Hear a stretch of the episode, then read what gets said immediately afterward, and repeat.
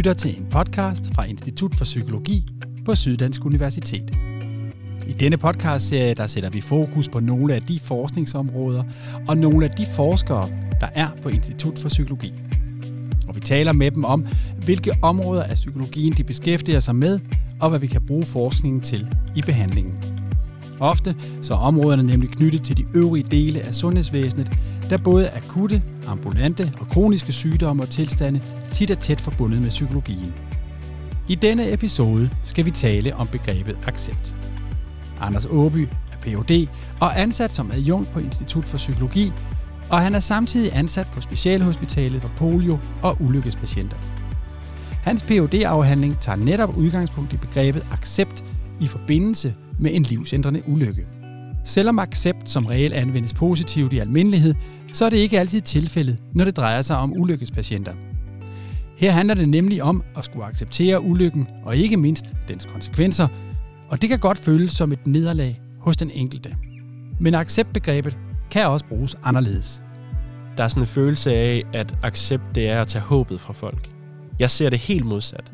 Øh, jeg, jeg, jeg ser accept som, som nødvendigt forstået på den måde, at vi har alle sammen kun et vist antal ressourcer til vores rådighed. Og accept handler egentlig om, at man lader nogle ting i sit liv ligge for at kunne engagere sine ressourcer på øh, et andet sted. Accept handler ikke om at tage håbet for folk øh, på den måde, så de bare lige så godt kan give op og lade være med at engagere sig i livet. Det handler netop om, at man i mange tilfælde måske kommer til at bruge sin energi på ting, der faktisk ikke giver en særlig meget livsværdi. Så det er en, en, en vigtig pointe med accept, det er, at accept er altid bundet op på den anden del også. Accept handler altid om at lade nogle ting ligge for at kunne frigive ressourcer et andet sted i ens liv.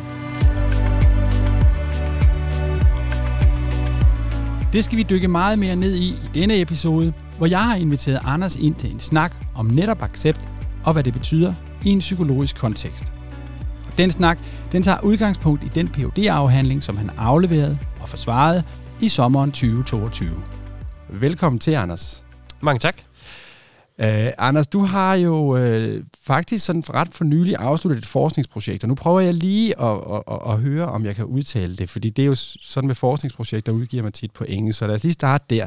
Dit forskningsprojekt, det hedder Acceptance in the Context of Spinal Cord Injury, og så har det en undertitel, der hedder A Multi-Method Exploration of the Conceptualization of Acceptance and its Associations with mental health and quality of life.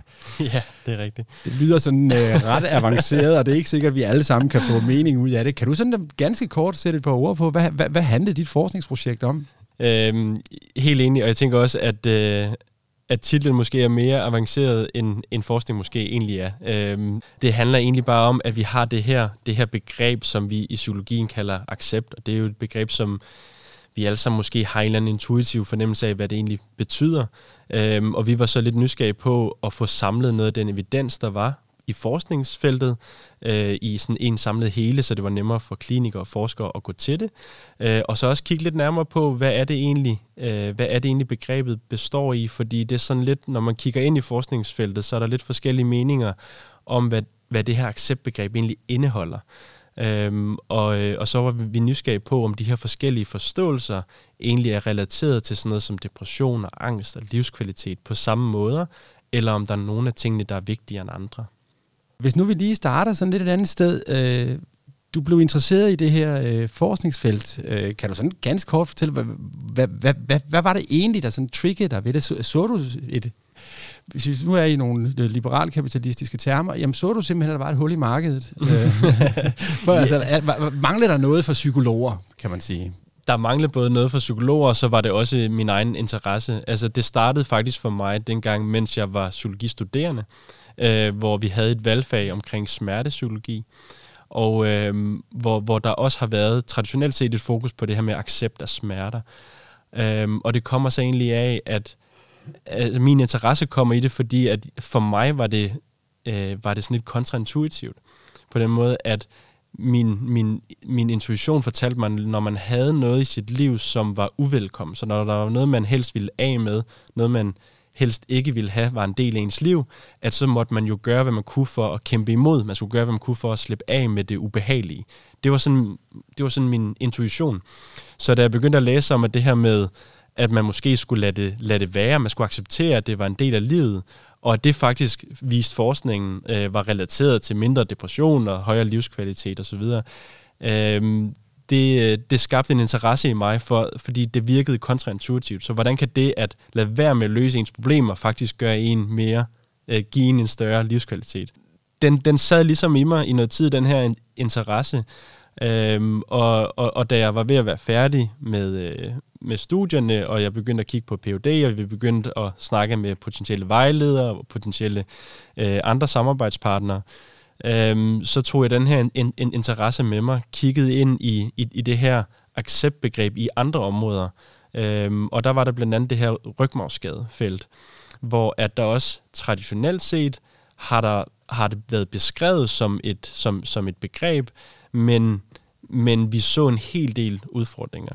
Øh, en af tingene var, at nu bliver det lidt nørdet, men det var, det, altså, acceptbegrebet kom ud af mange forskellige forskningstraditioner, som havde forskellige øh, forståelser af, hvad det her begreb det var. Øhm, og det gjorde, at når man sådan kiggede ind i forskningen, så var der egentlig nogle, nogle, nogle resultater, der pegede lidt i forskellige retninger måske, og der var sådan lidt usikkerhed omkring, altså hvad betyder det så egentlig? Men når du gik længere ned, så var det egentlig fordi, man ikke mente det samme så når to forskere sagde, vi snakker om accept, så snakker de faktisk ikke om det samme. Øhm, så det var sådan en, en af tingene. Men, men må jeg lige afbryde her så spørge, øh, betyder det så, at en del af dit forskningsprojekt simpelthen var at definere selve begrebet accept, ja. forstået øh, psykologisk? Ja, det er en del af, øh, vi, vi lavede sådan en, det lyder igen meget, øh, meget fint, men en, sådan en multidimensionel forståelse af det, så vi ligesom prøvede at koble alle de her forskellige forståelser, der var, i en samlet sådan mere meta-forståelse af accept, ja. Betyder det så også, at, at, at, at med den i hånden, eller med en, hvad skal man sige, en udbredelse af den definition af acceptbegrebet, så bliver det nemmere at tale på tværs af i for eksempel sundhedsvæsenet, fordi så ved læger, kirurger, psykologer, psykiater, fysioterapeuter osv. Mm. egentlig godt, altså så, så er vi enige om, hvad accept er, hvor det tidligere måske var noget andet jeg kan være bange for, at det er for meget for langt at forvente, at alle i sundhedsvæsenet lige læser lige præcis min, øh, min afhandling, og så ved de alt om det. Jeg tænker, at en af de ting, som, som jeg selv har oplevet, at det har gjort, det er, at når jeg har talt med klinikere, og når jeg har talt med øh, så særligt min, min kollegaer over i specialhospitalet, der sidder med patienterne til dagligdag, øh, der er mange af dem, der er begyndt at have en, en forståelse, i hvert fald bare den mindste forståelse af, at når jeg siger accept til en patient, så bliver jeg nok nødt til lige at have lidt følgeord med på, hvad er det egentlig, jeg mener. Øh, så der er kommet en større erkendelse af, at det her begreb er mere komplekst, end man lige regner med, og så får man udredt nogle af de der misforståelser, der er. Øh, hvad, hvad, hvad ligger der ellers i det, i hele den her acceptudredning? Øhm, altså forskningsprojektet startede egentlig med, at vi, vi ville samle hele feltet. Øhm, og det kommer sig af igen, som jeg, som, som jeg sagde tidligere, at der var mange forskellige forståelser af accept, der var mange forskellige forskningstraditioner, så det lå lidt i forskellige områder af feltet, og der blev kun refereret inden for deres egne felter, så vi ville gerne samle det på tværs. Så, så det var den første del af det. det var, vi, vi, vi, ville, vi ville skabe et, det, der hedder et systematisk review, hvor vi gennemgik hele litteraturen efter nogle meget sådan rigide søgekriterier, og så fik vi samlet det hele i sådan et, i et stort overblik, øhm, som så viste, at nærmest uanset hvordan man anså accept, så var det relateret til mindre depression og øh, mindre angst og højere livskvalitet. Det var sådan den overordnede konklusion på det. Derefter gik arbejdet i gang med det, jeg lige nævnte omkring det her med at konceptualisere begrebet, for det lavede sådan en, en multidimensionel, en, en lidt en meta, øh, metaforståelse af acceptbegrebet. Og den muliggjorde så nogle af de næste studier, hvor vi kiggede på, at når vi har de her forskellige forståelser af accept, der er nogen, der kigger meget accept som sådan en, at, øh, at, at det er en anerkendelse af virkeligheden, og det er ligesom det eneste, der ligger i det, det er, er du klar over, hvad det er for en virkelighed, du lever i? Anerkender du, at det er den virkelighed? Eller er du, eller er du sådan i det, man vil kalde fornægtelse, øh, som, et, som, som et, et fænomen. Så i den forståelse, der er accept bare det modsatte, en fornægtelse. Hvor andre tager en meget mere sådan, det man kalder en tredje bølge, kognitiv adfærdsterapeutisk vinkel på det, hvor, hvor accept handler om, at man ikke kæmper så meget imod sine tanker og sine følelser, men man engagerer sig i, i, øh, i aktiviteter, at der er vigtige for en. Så, så den er sådan meget bundet op på sådan et, et værdibegreb. Så det er en meget forskellig måde at se det på, og så var vi nysgerrige på, at hvis du måler accept på den ene måde, og måler accept på den anden måde, er de så er, er de, er de begge to relateret til depression og livskvalitet osv., eller er det egentlig nogen af det, øh, er det egentlig nogle af de her forståelser, der er vigtigere end andre? Øhm, fordi som det var, da, øh, inden vi startede, der blev der bare beskrevet, at accept hænger sammen med livskvalitet, men der var ikke rigtig nogen forståelse af, at, at hvad er det vi egentlig, vi mener, så hvad er, det en for, hvad, hvad er det for en specifik psykologisk proces, der er relateret til livskvalitet? Øh, og det, og det gør mig lidt nysgerrig på mm. at høre, øh, så kan man sidde og være skrivebords forsker, researcher mm. på nogle begreber mm. og se, hvad har andre skrevet, og hvordan mm. forstår vi egentlig mm. acceptbegrebet. Øh, var du ude at undersøge blandt ulykkesramte, hvordan de, så at sige, arbejdede med accept? Ja, på to forskellige måder faktisk. Øh, det ene, det var, altså øh, rigtig meget af vores, øh, rigtig meget af, af, af det her phd projekt er baseret på en, en rigtig stor spørgeskemaundersøgelse, øh, hvor vi fik samlet data ind fra, jeg mener, vi er oppe på sådan 450 øh, be, be, be, besvarelser. Det er ret mange, når der er omkring 3.000 rygmorskade i Danmark. Øhm, hvor at, øh, at, at de svarede på, på en masse spørgsmål, blandt andet nogle af de acceptspørgsmål, men også depression, angst, livskvalitet, PTSD, alle mulige andre. Øhm, og det, og det i det, vi ligesom kunne kigge på, hvordan nogle af de her forståelser interagerer, men også hvordan det hænger sammen med livskvalitet osv. Så havde vi også en øh, interviewundersøgelse, hvor vi kiggede på, fordi det, var, det vi var lidt nysgerrige på, det var, øhm, når det her acceptbegreb er sådan et, som, som egentlig ret nemt kan misforstås, hvis vi nu skal være helt ærlige, at hvis du spørger om nogen om de her, øh, om, om hvad de tænker om accept, så kunne det hurtigt komme til at betyde sådan noget som, at man giver op, for eksempel, eller sådan noget. Og det er bare slet ikke det, vi mener. Men hvis du stiller det spørgsmål til folk i en spørgeskemaundersøgelse, hvad er det så egentlig, de svarer på? Er det det, de svarer på? Fordi så får vi jo et, et, et, et skævvredet mm. billede af, øh, hvordan det egentlig hænger sammen med livskvalitet osv. Så, så, så, så øh, i, det, i det sidste af, min, af mine fire studier fra PUD'en, der lavede vi det, der hedder et, et cognitive interviews. Øh, så der øh, der interviewede vi folk, imens at de svarede på nogle af de her spørgeskemaer, og vi, og vi gik lidt ind i den her med at udforske, hvad er det, de ligger i de forskellige begreber, øh, og kan vi så egentlig regne med vores konklusioner. Det viste heldigvis, at de fleste items faktisk fungerede ret godt, øh, blandt andet nok også fordi, at man holder sig fra at bruge ordet accept i øh, på spørgsmålsniveau. Mm. Man spørger om nogle andre måder ligesom at komme rundt om det, for ligesom at undgå det, den der ting der. Undgik I at bruge øh, ordet accept i selve, i, i selve spørgeskemaet, fordi det også godt kan have sådan lidt en, en negativ konnotation?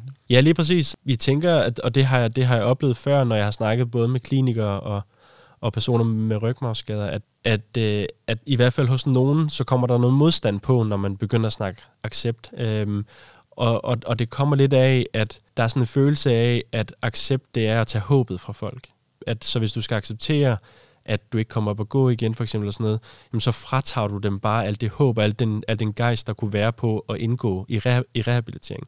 Jeg ser det helt modsat. Øh, jeg, jeg, jeg ser accept som nødvendigt forstået på den måde, at vi har alle sammen kun et vist antal ressourcer til vores rådighed. Øh, det gælder alle mennesker. Vi, vi, vi kan ikke engagere os i alle dele af livet på alle tidspunkter. Vi skal alle sammen prioritere. Og accept handler egentlig om, at man lader nogle ting i sit liv ligge, for at kunne engagere sine ressourcer på øh, et andet sted. Så det vil sige, accept handler ikke om at tage håbet for folk øh, på den måde, så de bare lige så godt kan give op og lade være med at engagere sig i livet.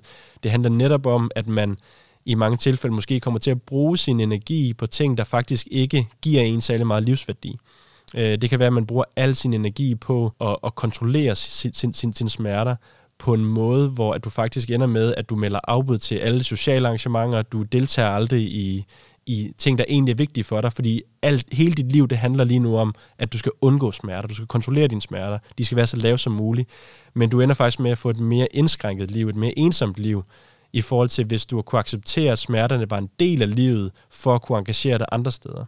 Så det er en, en, en vigtig pointe med accept, det er, at accept er altid bundet op på den anden del også. Accept handler altid om at lade nogle ting ligge for at kunne frigive ressourcer et andet sted i ens liv. Og så kan man jo så sige, at, at, at accept jo sådan set også kan give håb, fordi det frigiver ressourcer til at sige, nu skal jeg for den ulykkesramte mm.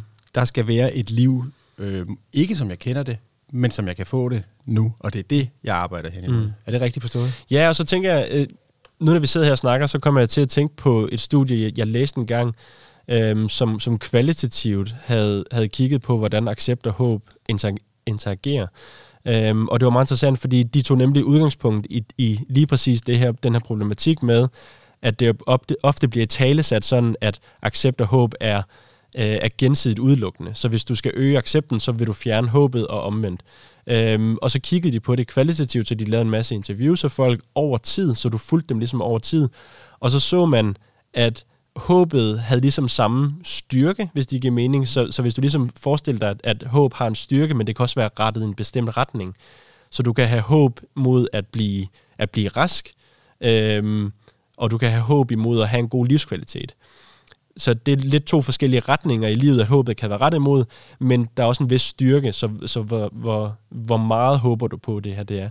Øhm, og deres studie tydede på, at over tid, der ændrede håbet ikke styrke, men i takt med, at accepten steg, så ændrede håbet karakter.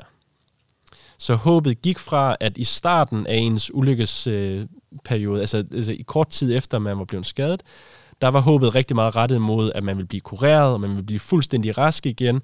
Og i takt med, at accepten ligesom steg af, at det er sådan her, mit liv er, der er nogle nye livsvilkår, så ændrede håbet karakter til at blive rettet mere imod, øh, at, man, øh, at man håbede på, at man ville få en god livskvalitet, øh, og det var det, man arbejdede imod. Og det kan jo se ud på mange måder. Et livskvalitet er jo ikke ensbetydende med, at man kommer op og går igen. Livskvalitet er, er, er en subjektiv evaluering af, hvor, hvor tilfreds man er med sit liv. Så, så, så man kan sige, at det mm. håb, det, det fik sådan et udtryk i rettet imod noget mere opnåeligt, noget mere realistisk for den enkelte ulykkesramte. Ja.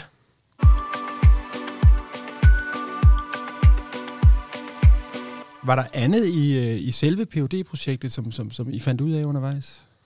Jeg tænker, hvis jeg lige skal nævne en enkelt ting, som, som, som jeg selv øh, synes var ret, ret interessant, det var, da, da vi ligesom kiggede på, hvordan nogle af de her forskellige forståelser af accept øh, hang sammen med livskvalitet osv., så, så viste det sig, at der var øh, at, der var, at der var nogle dele af det, af det, vi kalder accept, der var væsentligt mere betydningsfulde i forhold til at øh, og, og være associeret med en god livskvalitet end, end andre. Og blandt andet det her, som vi talte om før, det her med, at man anerkender virkeligheden, som den er, og det, det er sådan en meget sådan firkantet måde at se det på. Det var ikke specielt relateret til, øh, til livskvalitet, når man, nu bliver det igen lidt statistisk, men når man kontrollerer for de andre øh, effekter, øh, så, så, så var det faktisk ikke signifikant relateret til det. Så det, der egentlig sådan drev effekten, hvis man kan sige det på den måde, det var det her med, at man, at man engagerer sig i personlig, personligt meningsfulde aktiviteter, på trods af det medfølgende ubehag. Og den måde, du skal se det på, hvis jeg lige skal give et eksempel, det er, at i rigtig mange tilfælde af vores liv, der afholder vi os fra at gøre noget, fordi at der medfølger noget, noget ubehag. Øh, hver gang du skal hver gang du skal gøre noget nyt, hver gang du skal prøve nogle grænser af, øh, så kan det være, at, øh, at, at du bliver, bliver nervøs. Øh, det kan, der kan være alle mulige, øh, det, øh, der kan være alle mulige ubehagelige tanker øh, forbundet med det. Øh, og mange af os afholder os så fra at engagere i de aktiviteter, fordi vi har en tendens til, at meget af vores adfærd egentlig handler om at undgå ubehag. Mm. Øhm, så hvis man når til det punkt, hvor man ligesom bliver nødt til at engagere sig i nogle andre aktiviteter, så, øhm, så skal man ofte så bliver man ofte nødt til at acceptere, at der så vil også vil medfølge øhm, noget, noget ubehag.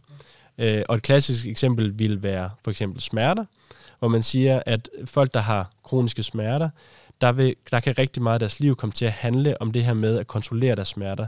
Så alle situationer, som gør deres smerter værre, de, dem undgår vi fuldstændig, så vi deltager ikke i alle de aktiviteter, hvor min smerter bliver værre. Øhm, og man gør alt, hvad man kan for at kontrollere sine smerter så meget som muligt. Men hvis det nu viser sig, at det, at det der faktisk er allervigtigst i ens liv, så det, der vil give den allerstørste livskvalitet, det var, at man var engageret i sin, i sin børns liv, i, i deres fritidsaktiviteter. I de, altså, øh, men at de ting, de medførte mere smerte, så står du lidt i et dilemma. Hvad skal du gøre? Skal du kontrollere dine smerter, eller skal du engagere dig øh, i dine børns fritidsaktiviteter? Og accepten, den måde, man kan forstå accept på her, det er, at man ligesom siger, jamen vi engagerer os i, vores, i den meningsfulde aktivitet, og accepterer, at smerterne så er en del af den aktivitet. Altså, og det er en del af dit liv efterfølgende. Og det viser sig, at dem, der når derhen til, hvor de siger, at det skal ikke være smerterne, der styrer mit liv mere. Nu er det min, min værdier, det der er vigtigt for mig, det er det, der får lov til at styre, hvad jeg bruger min tid på. Og så går man, tager man små skridt i den retning, at det er faktisk det, der er allervigtigst for ens livskvalitet. Og det betyder så også, for lige at sådan virkelig sætte det på spidsen her, mm. det betyder så, at man får via den accept en højere livskvalitet i hverdagen. Det forventer vi. Øhm, vores, øh, nu, nu kommer forskerne op i mig jo, øh, forstået på den måde, at, at, øh, at når, vi har, når vi har testet noget på et tidspunkt, så kan vi ikke sige, hvad der kommer først i princippet. Det er jo, det er jo, det er jo en teoretisk øh, forståelse af de her begreber, hvor vi regner med, øh, at, at, at accepten er det, der driver det. Øh, I princippet kan vi kun sige, at de her ting er relateret til hinanden. Giver det mening? Ja. Det giver god mening, ja. og, og, og jeg, jeg er jo helt vild med, når I forskere sidder hernede og siger, at det kan jeg jo ikke sige endnu. vi skal jo have tydelig evidens for det. Ja. Øh, Anders, hvis vi lige øh, prøver at, at komme lidt ud af, af, af, hvad skal man sige, af forskningsprojektet, øh, mm. øh, og det er sådan lidt mere teoretisk. Du arbejder jo inden for feltet. Øh, både her på universitetet, hvor du er ansat som adjunkt, mm. men også på, øh, på specialhospitalet for polio- og ulykkespatienter. Det, du har fundet ud af i dit forskningsprojekt, kommer det ud at leve i den måde, vi behandler ulykkespatienter på? Ja, der er noget, der er direkte, og så er der noget, der er mere indirekte. Øhm, og det direkte, det kommer, det kommer som mest af, at, at, at jeg er ude og fortælle om projektet, øh, og jeg øh, særligt på specialhospitalet, hvor jeg har, hvor jeg har et, et selvfølgelig et, øh, et, et tæt samarbejde med, med klinikerne derovre, hvor at øh, vi for eksempel lige for nyligt havde en, øh, et morgenmøde, hvor vi snakkede om, omkring, hvornår oplever klinikerne, at accept af en, en udfordring øh, i det kliniske praksis, og så, og så var øh, jeg og nogle af mine psykologkollegaer der til ligesom at, at spare omkring, hvordan kan vi gå, gå til det her. Og det bliver jo informeret af noget af den, altså, øh, af, af den forskning, jeg har lavet selvfølgelig. Jeg tænker egentlig også, at PUD'en var forholdsvis teoretisk, øh, forholdsvis sådan, øh, teoretisk, empirisk, mere end den var sådan klinisk orienteret. Og det var fordi, der var behov for at få lavet et, et nyt fundament, apropos det, jeg nævnte med, at, at accept ligesom kom fra mange traditioner, det var spredt ud over alle mulige steder, det var indlejret øh, i, i, i, i andre begreber nogle steder, og sådan, så det, det, det, var, det var enormt rodet.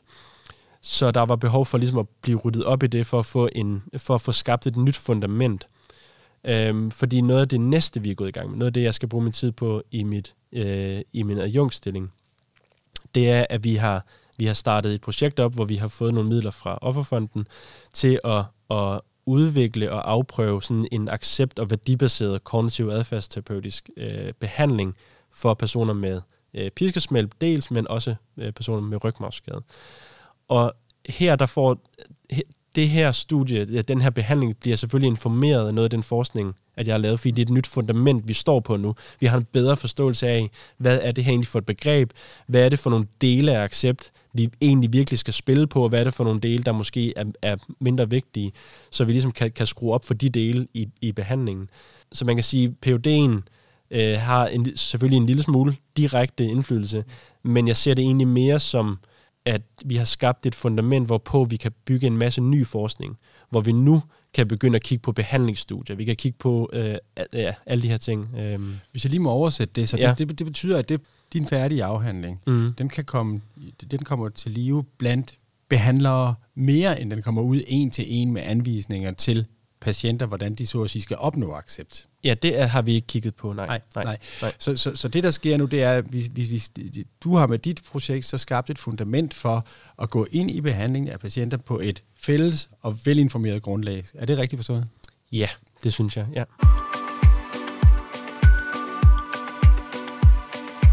Lad os nu sige, at jeg kommer ud for, det håber jeg sandelig ikke, men, men, men hvis jeg kommer ud for en ulykke, mm. øh, med basis i dit forskningsprojekt, har du så et godt råd, du vil give mig? Man skal altid passe på med gode råd, fordi det, altså det bedste råd, at man, man kan få, skal jo altid være baseret på individet, man sidder overfor, fordi øh, der er så mange der er så mange aspekter i det her. Altså det, det, som vi kalder den psykologiske tilpasningsproces, er så kompleks, og der er så mange øh, personlige faktorer involveret, så jeg vil være meget påpasselig med at give et specifikt råd, som alle så skal lytte til, fordi øh, jeg er ikke af den overbevisning, at, øh, at, at one size fits all, når det kommer til det her. Jeg tænker, hvis der er noget, som, øh, som jeg synes, mit projekt det peger på, så er det at opnå sådan en, en erkendelse af, at der er ingen af os, der har uendelige ressourcer. Øhm, og jeg tror, når vi lever vores normale liv, så glemmer vi det lidt, fordi vi i løbet af mange år har indrettet vores liv. Øh, vi går på en eller anden bestemt, det man kunne kalde en, en, en livsbane. Altså vi har ligesom, vi har nogle mål med tilværelsen, uanset om de så er, er, er helt eksplicite eller ej, men, men vi går ligesom på en livsbane. Og, og sådan en, en, en rygmarskade eller sådan en, en, en ulykke, den skubber en øh, ret meget ud af den livsbane. Og man skal lige pludselig bruge ressourcer på mange ting, som man ikke skulle før. Øh, man skal lige pludselig bruge rigtig meget tid på at genoptræne, og ting, der før bare var noget man, noget, man bare gjorde i sin hverdag, det tager lige pludselig rigtig mange kræfter, og det er, det er besværligt, og man skal måske have hjælp til det. Og, altså, så der kommer rigtig mange andre ting i ens liv, så, så det med at, at få prioriteret, øh, det med at nå frem til en erkendelse af, at man ikke har uendelige ressourcer, og det er vigtigt, at man, øh, man finder ud af, hvad er det egentlig, der betyder noget for mig i mit liv, og så er det det, man bruger sin tid på. For jeg tror hurtigt, vi kan blive lullet ind i sådan en tankegang omkring, vi skal gøre, hvad vi kan for at undgå øh, ubehag, vi skal undgå vores symptomer. Og det giver god mening i situationer, som, hvor at smerterne er noget, der kommer og går. Men hvis smerterne er kroniske, så kan vi komme til at bruge uforholdsmæssigt meget tid på at kontrollere vores smerter. Så det bliver i hvert fald noget med i nogle aspekter. Jeg siger ikke, man skal gøre det hele tiden. Jeg siger, at i nogle aspekter, der skal man sige, er der nogle ting i mit liv, hvor jeg siger, at her er jeg villig til at engagere mig i den her aktivitet, selvom jeg vil opleve smerter. Øhm, så, så man får en lidt mere fleksibel, en, en, en fleksibel tilgang til, hvordan man lever sit liv. Hvis vi tager det holistiske billede på din afhandling, er der så noget, som, hvad skal man sige, en bredere del af behandlingsvæsenet skal tage til sig fra den? Ja, altså jeg tænker, noget af det, som jeg i hvert fald nogle gange har snakket med, med, øh, med klinikerne over på specialhospitalet om, det er, at, at jeg tror mange dele af, af sundhedsvæsenet, øh, inklusiv psykologer, men, men altså bare sådan over en bred kamp i sundhedsvæsenet, så har vi, vi har opbygget et narrativ om, omkring, at når, når når en person kommer ind og fortæller om et eller andet problem, så, så skal det selvfølgelig løses. Altså det, det, det, det skal altid løses. Det, det, det, det er ligesom det, vi går efter. Og hvor, hvor jeg i hvert fald godt nogle gange, det er en, en udvikling, jeg selv har været igennem, hvor, hvor, hvor jeg tænker, at, at, øh, at der kunne godt komme lidt mere fokus på, om, om det er ressourcerne værd. Og når jeg siger ressourcerne, så mener jeg ikke de offentlige ressourcer. Jeg, jeg tænker på det personlige plan. Forstået på den måde, at hvis der, er, hvis der kommer en person ind med rygmarvsskade, der siger, at, øh, at han vil op og gå igen, for eksempel, så, øh, så kan man se, det her det er bare et tænkt, tænkt eksempel, men du ved, hvis vi har ressourcer til at bruge øh, en time om dagen i fitnesscenteret, øh, altså, altså til genoptræning, og så bruger, han, bruger personen her al den tid på at, at, at prøve at komme op og gå igen, altså træne sine ben og så videre. Og hvis alt det ligesom tyder på, og, og hvis, altså, hvis, hvis alle de kliniske data og, og erfaring og så videre tyder på, at, at det er bare meget, meget lidt sandsynligt, at den her person kommer op og gå igen, så var den person måske bedre, øh, bedre tjent med at bruge den time, han har til rådighed, til at få trænet sine skuldre, så man ikke får ondt i armene af at køre i kørestol, for eksempel, eller få trænet sin ryg. Øh, eller, altså, der, igen den her, nu kommer vi tilbage til det her med, at vi kun har x antal ressourcer i vores liv, og de skal bruges mest effektivt. Og jeg tænker, at det der med at få spurgt ind til, når en person kommer ind og, og, og snakker om et eller andet problem, så prøv at få en, en god vurdering af, hvor mange ressourcer vil det tal, og hvad er det for nogle ting, personen så nok skal give afkald på. Fordi vi kan ikke, altså, øhm, hvis personen skal løse det ene problem, så kan det være, at der er nogle andre, at der ikke bliver løst. Øhm, så få en, en, en bredere tilgang til, hvad er det for nogle udfordringer, du står med, som der er vigtige for dig? Hvad er det, altså, hvor er det, du vil få mest værdi i dit liv ved, at vi, at vi ændrede på det? Og det lyder så også, som om der kunne være et behov for, at de forskellige grene, de forskellige personer, der er involveret i behandlingen af den ulykkesramte, faktisk kan tale red godt sammen. Mm. Det gør vi heldigvis over i specialhospitalet kan jeg så sige. Der, øh, altså, der, der, der, der har vi de her, det her tværfaglige fokus, så vi sidder, altså, der er altså, læger, sygeplejersker, fysioterapeuter, ergoterapeuter, psykologer, øh, socialrådgivere. Vi er alle sammen en del af et team, og vi, vi konfererer omkring øh, patienterne, så de får et, et, et mere samlet, øh, samlet rehabilitering.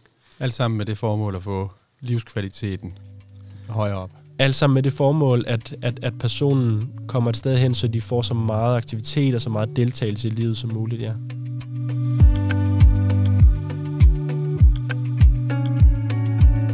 Tak til Anders Åby, der fortalte om accept i behandlingen af ulykkespatienter. Jeg håber, at du har været glad for at lytte med, og måske også er blevet lidt klogere undervejs, og derfor også har lyst til at lytte med en anden gang. Hvis du har brug for at komme i kontakt med en forsker på Institut for Psykologi ved Syddansk Universitet, så kan du finde os på vores hjemmeside sdu.dk, hvor du bare skal søge på Institut for Psykologi.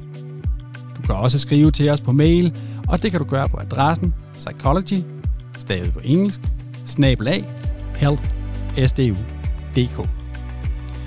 Mit navn er Torbjørn Hertz Jensen, og jeg håber, vi høres ved en anden gang.